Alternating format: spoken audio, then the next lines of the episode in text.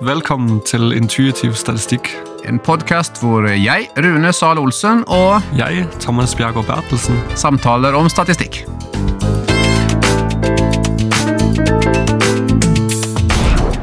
I den forrige podkasten Thomas, så innledet vi jo temaet om hvordan lese og forstå statistikk. Men eh, nå skal vi videreføre dette temaet og snakke om at det er viktig å se på hvordan de har behandlet uteliggere, om de har transformerte variabler eller ikke, interaksjonseffekter og hvilke typer analyser de har brukt. Vi skal også si litt om hvordan vi går frem når vi leser en forskningsartikkel, og se på om det er samsvar mellom resultatene og konklusjonene i artikkelen.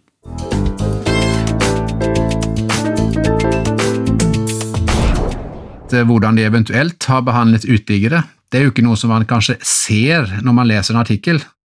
Nei, det, det er ikke så lett å plukke opp eh, hvis du ikke har noen grafisk framstilling. Der skal du være litt eh, Med litt teknisk snille så kan du noen gang eh, si at det kanskje har vært en uteligger med, men det er veldig veldig vanskelig. Eh, du er veldig avhengig av forskerne er ærlige og ryddige.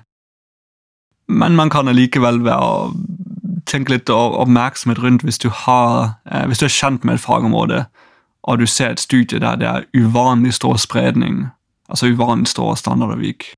Hvis du er vant til å se eh, spredning på, på, på to eh, poeng på en skala, og disse her presenterer fem, noe som sprenger skalaen, der kan det være liksom en liten pekepinn på at hm, her må det være noen enkeltindivider som, som virkelig drar opp eh, spredningen generelt.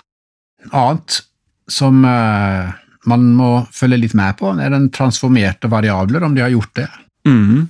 Har de på en måte tatt en ganske enkel f.eks. logaritmisk transformasjon, kan det, og de har klart å forklare den, så er jo det en greie. Men hvis de har hevet på litt flere nivåer her, inn i en ganske kompleks analyse, så blir i hvert fall jeg litt sånn småskeptisk. Hvorfor har de gjort dette?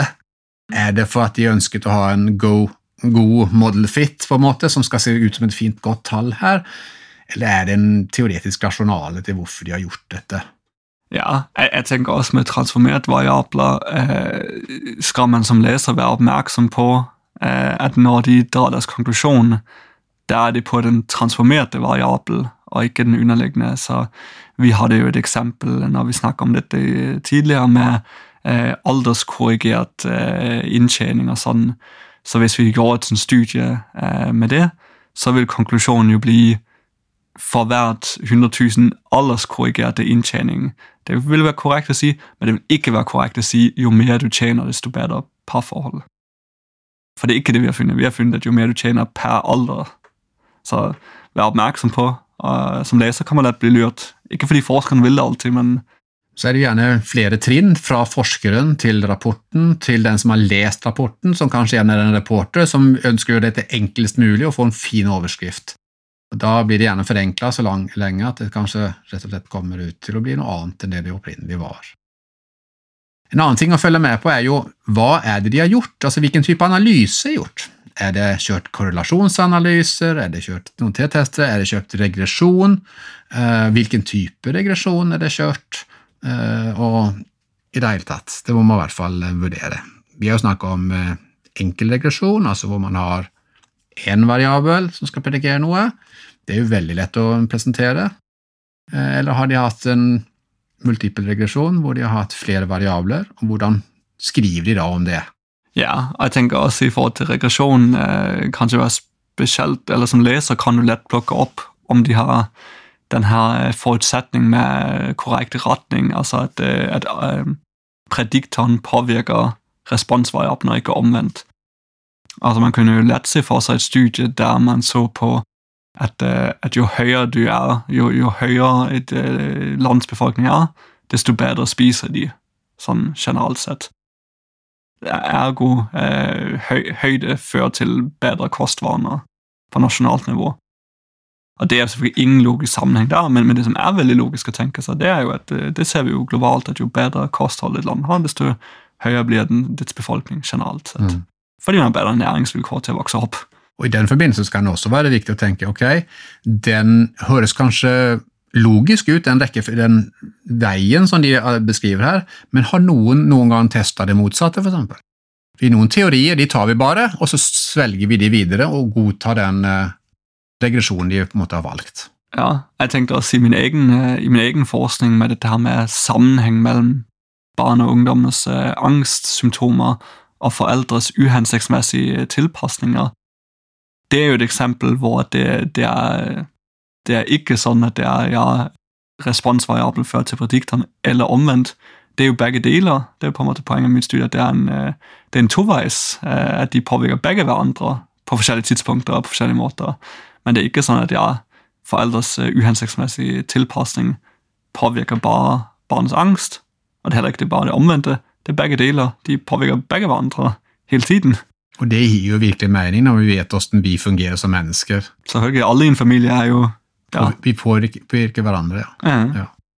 Nei, det, men man kunne jo forenkla det og sagt ja, ja, det, det. hvordan foreldre tilpasser seg barnets angst, eh, påvirker barnets angst. Ja, og det er, det er jo designet store eh, behandlingsopplegg på Vi må stoppe foreldres tilpasning. For det er det som eh, øker barns angst.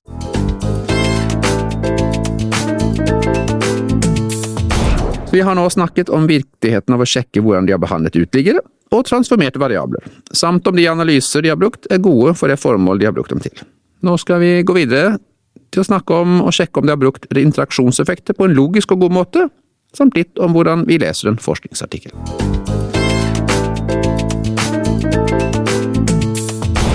Dette med interaksjon, Thomas. Mm. Eh, når du leser om eh, interaksjon i en artikkel, hva, eh, hva, må man tenke over da? Hva tenker du over? Jeg tror eh, det viktigste å tenke over, det er egentlig den interaksjonen som presenteres som, som viktig, eller som man valgte å ta med. Er det noe jeg kjenner igjen? Hvis jeg er kjent med feltet, er det noe som virker rimelig, eller som er kjent fra før? Eller er det noe som kommer litt ut av det blå, som veldig overraskende og kanskje litt sånn ulogisk for meg? Og hvis det er overraskende, har de da en god rasjonale for det? Argumenterer de godt for det, sånn at det liksom, dette er noe som folk ikke har tenkt på før, men de burde ha tenkt på? Ja, for jeg tenker en, en, eh, en dårlig forsker eller en uheldig forsker kan jo ved en feil bare ha stappa inn en masse tall og prøvd forskjellige interaksjoner, og så plutselig kommer det noe opp, og ja, her var det noe som skjedde. Og da de hefter seg ved det uten at det nødvendigvis egentlig er viktig eller vanlig. Og Det er jo litt også i forhold til om man tenker på de har kjørt eh, multilevel-analyser, altså flernivåsregresjoner, og det er også det samme.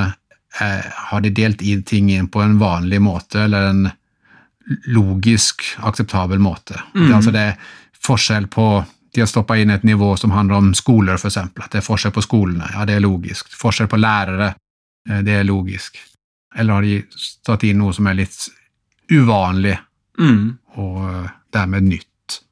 Og hvilken begrunnelse har de eventuelt for det. Og det er egentlig til slutt, for jeg ser på for min del, når jeg leser det, så går jeg og ser på ok, hva, har, hva skriver de gjerne i abstract og konklusjonen sin, på en måte som 'dette er det vi fant', og så går jeg inn og så ser jeg hva resultatene sier, og om det er samsvar med det. Og ganske ofte så syns jeg at jeg ser at det er ikke helt samsvar. Mm. De omformulerer resultatet til noe som er litt mer catchy, mm. og da har de ikke helt grunnlag for å si det. Så Da blir jeg litt sånn småskeptisk. Det er i hvert fall noe som jeg vil ha sjekka. Jeg vet ikke hva du gjør. Jeg, tenker, jeg, tenker det samme. Eh, du leser abstract, du leser første paragraf i, i diskusjonen. Der står det jo gjerne dette er funnet, og du forsøker å koke ned funnet, eller simplifisere det. Og så går jeg liksom direkte til resultatet. Det er der hvor jeg finner hovedfunnet, og så ser jeg ja, som regel er det jo ikke helt så, eh, så clear cut, eller så, så lett. Det er jo gjerne nuanser der. Og så kan du jo gå til metoden der du ser det som ligger til grunnlag for det resultatet. der. tenker du, ah, Kanskje ikke helt eh, sånn, så Jeg får en veldig klart bilde av ok, hva var det virkelig som skjer, og, og hvis jeg skulle være litt mer skeptisk, hva, hva vil jeg da si konklusjonen er? Så rett og slett, vi leser abstract i begynnelsen, vi leser konklusjonen, så hopper vi til resultatene, og så ser vi på metoden, og så setter vi dette sammen for å se er det grunnlag for det de har skrevet, og som kanskje blir headlinene til slutt. Har vi gjort dette, så har vi jo en ganske grei oversikt.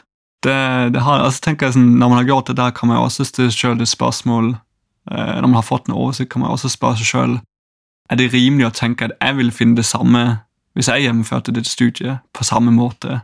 For det er en sånn eh, lakmustest på metode, resultater og konklusjoner. at, at Hvis jeg gjør det samme som de hadde gjort, og det kanskje er litt løst definerte metoder, litt uklart og litt sånn rare ting, da kan det være jeg ville funnet noe helt annet.